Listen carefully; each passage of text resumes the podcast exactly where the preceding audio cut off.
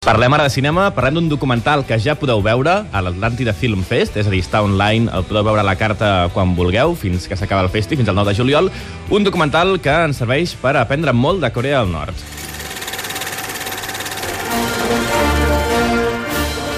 Kim Jong il, the nuclear bomb loving US war machine dissing socialist dictator of North Korea, a propaganda mastermind so brilliant he used cinema to convince 24 million people he was a god and North Korea ruled the world. And in 1987, he wrote a manifesto on how to do it. This is cinematic kryptonite. I'm going to use it to make a propaganda film so powerful it destroys coal seam gas forever. La, in, la indústria del gas, del fracking, és important el que ara us explicarem. La veu que sentiu és la de la protagonista i directora del seu propi documental. És la cineasta australiana Anna Broinowski, que és la nostra entrevistada d'avui. El seu documental es titula Aim High in Creation i el podeu veure, com diem, al festival uh, online Atlàntida. Es tracta d'un documental que explora sobre el terreny, allà mateix, les tècniques de propaganda que defineixen el cinema de Corea del Nord. Per tant, estem parlant d'un documental que també és sobre el cinema en si. I com que l'Anna Broinowski ha passat per Barcelona amb motiu de l'Atlàntida, d'aquest festival, hem aprofitat per parlar amb ella sobre la seva pel·lícula, sí, però també, i sobretot, perquè ella és la primera dona directora de cinema que ha tingut permís per rodar al país, a Corea del Nord. Comencem ja amb material consistent. Li hem preguntat quines són les claus que defineixen el cinema nord-coreà. Primer de tot, tota pel·lícula de Corea del Nord ha de ser no només una feina d'alts estàndards artístics, sinó també una proclama a favor de la causa socialista. Two, every North Korean movie needs to have an enemy. Segon, en totes les pel·lícules de Corea del Nord hi ha d'haver un enemic, un antagonista capitalista o imperialista. És clar que, després de la guerra dels anys 50, se suposa que ja no queda cap enemic viu i que Corea és un paradís. Per tant, l'antagonista acostuma a ser un personatge que no creu en els líders o en els ideals socialistes. Socialism. Three, every movie must have a noble hero. Tercer, tota pel·lícula ha de tenir una heroïna o un heroi, i normalment és una heroïna. El motiu és que, si hi hagués moltes estrelles masculines, es correria el risc de competir per l'admiració i l'adulació cap al líder. Per això és més fàcil tenir dones en els papers principals. To have women leading. 그러니까 아버지가 말씀하시던 그 불가사리가 아니야. 불가사리? 불가사리야? Ah, ens ha dit també l'Anna, com a habitant del món occidental que sóc, me n'he donat de les poques dones protagonistes del nostre cinema. Et xocat veient que a Corea del Nord guanyen més les dones. En aquest cas, per una, una qüestió d'ego del, del líder, sí, del sí. líder, eh? A més, el terme en anglès, clar, ja ens deien en anglès, the leading role, que és com encara més, més contundent, no? En el nostre món occidental la majoria són homes. A veure, dues claus més del cinema nord-coreà. Per una banda, imatges de la natura salvatge que funcionen com a metàfora del patriotisme i per l'altra, molts moments musicals en què els personatges canten, toquen instruments, eh, habitualment en els moments més emotius. Aquí tampoc es fa, no? Perquè cada pel·lícula té la seva banda sonora, Sí. però els protagonistes no s'arranquen No, no, no. a cantar. Hi ha un moment videoclip, però Sí. ells no toquen en aquell No, no. moment. Doncs uh, és tot i l'únic cinema que es pot veure a Corea del Nord. Només el que es fa al seu país. Uh, són persones, els habitants de Corea del Nord, amb qui l'Anna Broinowski ha conviscut durant un bon temps. People often ask whether North Koreans believe La gent es pregunta en què creuen els nord-coreans. Quan Kim Jong-il va morir, a Occident ens van preguntar si les llàgrimes de la població eren reals. Després d'haver estat allà, puc dir que sí, que eren reals. Realment veuen els líders com si fossin déus. No és perquè siguin estúpids, sinó que, com bé sabeu, Corea del Nord està totalment tancada respecte a l'exterior. No hi ha internet, no pots trucar a l'estranger, només pots veure un canal de televisió i l'únic cinema és el propagandístic. Per tant, tenen molt poques oportunitats d'aprendre que els líders del seu país no són gaire ben vistos o que el món occidental és diferent del que els han explicat. to what they think. El més important de tot plegat és que l'Anna Broinowski no va viatjar a Corea del Nord només per investigar el seu cinema i prou. No. De fet, l'Anna i molts australians tenien ja un problema, que és el fracking. Empreses internacionals que porten temps explotant el subsol australià, fet que ha perjudicat a grangers, a ramaders, ha contaminat aigua que abans era potable, i fins i tot gent del món rural ha hagut de marxar de casa seva.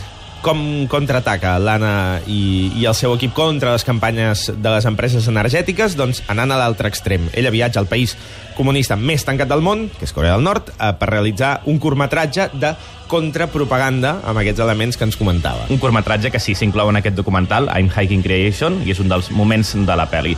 Per fer-ho tot plegat, a banda d'empatxar-se de pel·lis coreanes de tots els gèneres, podeu veure com l'Anna s'entrevista amb cineastes coreans, amb estrelles de cinema d'aquest país, fins i tot amb guionistes, amb tècniques, eh, tècnics de, de, de, de so, d'àudio, compositors de bandes sonores, parla amb tot de professionals del cinema d'aquest país. They're very smart, and um, my impression with the filmmakers... Són molt intel·ligents. La meva impressió dels professionals del cinema amb qui he conviscut és que tenen molts més coneixements del món exterior. Fins i tot em fa l'efecte que senten desafecció cap al nou líder, Kim Jong-un. Òbviament, mai ho reconeixeran obertament. Això no vol dir que no els agradi Corea del Nord. Viuen molt bé. Alguns d'ells han fet pel·lícules en altres països, com el Japó, i continuen estant contents de viure al seu país. I això és, en part, perquè tenen privilegis, una bona vida. And this is partly because they were very privileged. They had good lives.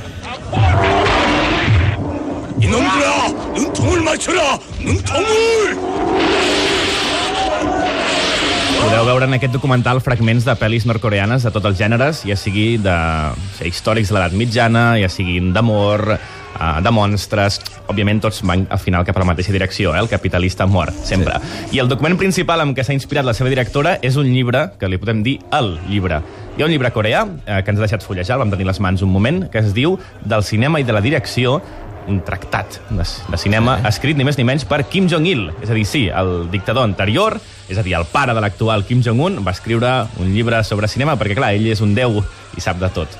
Uh, I és el que fa l'Anna, uh, perquè al final ens descobreix una...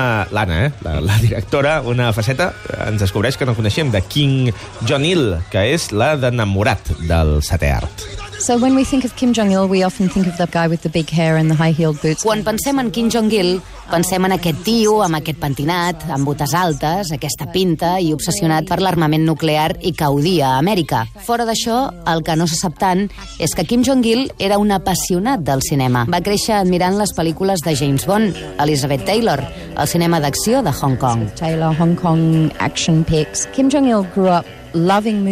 Kim Jong-il va créixer fascinat pel cinema. Tenia una col·lecció de 20.000 pel·lícules de Hollywood preservades en una cambra segellada al buit a Pyongyang per al seu ús personal. Va estudiar el cinema de gènere americà i des del 1964, quan va ser nomenat ministre de propaganda, va reformular el cinema de Corea del Nord incorporant-hi tècniques i gèneres occidentals. and genres. I often think that Kim Jong Il was more of an artist, and in fact, maybe Crec que Kim Jong-il era més aviat un artista, un cineasta frustrat que va haver de fer la feina que no volia fer. Però també hem de saber com n'era d'estut com a governant a l'hora de produir pel·lícules de propaganda per refermar el seu poder. his own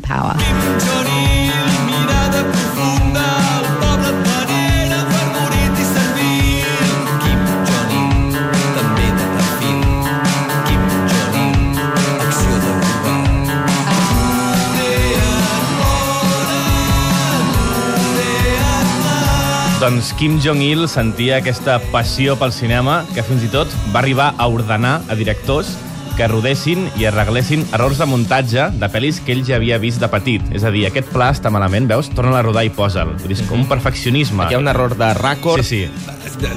Ell fes-ne un de nou. Millorava el cinema, és el mateix que feia George Lucas amb Star Wars, Sí. canviant algunes coses. Doncs mira, el muntatge del, direct, del Sí, sí, dictador. del dictador. Seria, en aquest cas. Uh, fins i tot, uh, Kim Jong-il va fitxar l'equip original de creadors de, de Godzilla, aquest és l'estudi, mític estudi, el Toho, japonès, per ajudar a la producció d'una pel·li de monstres. Això vol dir gastar-se'ls, gastar-se'ls molt. Sempre va estar sobre de la indústria cinematogràfica i mai no va voler aparèixer als crèdits de cap film. Molt humil, Mhm. Kim Jong-il. D'altra banda, i segons ens confirma l'Anna, també va fer servir el cinema, òbviament, a favor del seu règim i per fer creure als habitants del seu país que ell era un déu. Doncs amb tot aquest aprenentatge, que es recull al documental Aim Hiking Creation, l'Anna va poder fer aquest curtmetratge antipropagandista en contra de les multinacionals del fracking que estan atacant la, el medi ambient del seu país. Un vídeo que ella mateixa admet, diu, sí, sí, el que he fet jo també és propaganda. Propaganda is simply the manipulation of information to persuade a group of people. La propaganda és la manipulació d'informació per persuadir un grup de gent i fer-los pensar o sentir diferents sobre un tema. Jo em defineixo com una directora de documental involucrada en el format de la propaganda. Faig servir tècniques de cinema com la simulació, la il·lusió, el muntatge, l'humor, la bellesa, l'entreteniment, perquè el públic pensi d'una altra manera sobre un tema. També ho fan els productors de cinema americans en pel·lícules en què els soldats americans són els bons i els àrabs els dolents. Michael Moore també és un propagandista. Fixa't en Fahrenheit 911. Quin documental més persuasiu, polèmic i brillant. So, you know, people say, oh, North Korea, the boogeyman, everyone's brainwashed. Tothom pensa, oh, Corea del Nord, quins monstres, propaganda per tot arreu. Però hem de ser conscients que a Occident contínuament estem bombardejats per anuncis. by advertisements.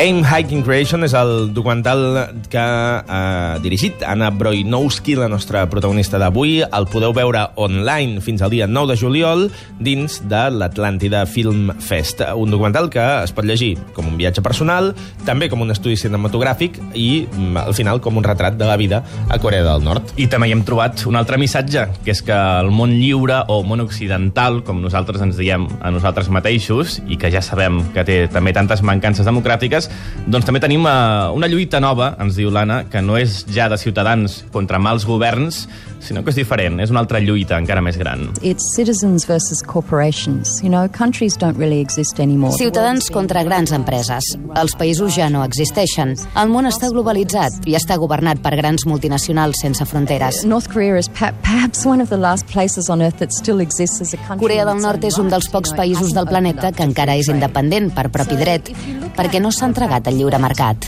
Les multinacionals estan acabant amb els recursos naturals i accelerant el canvi climàtic. Si no hi fem res, ens quedarem sense aquest planeta per viure-hi. La batalla és entre nosaltres, la gent que necessitem aire i aigua, i les multinacionals que volen fer diners a costa del que sigui, incloent-hi vides humanes. No ens queda cap altra opció que alçar-nos. Per això els moviments socials estan creixent a tot el món. El pueblo unido jamás será vencido. That's what happened.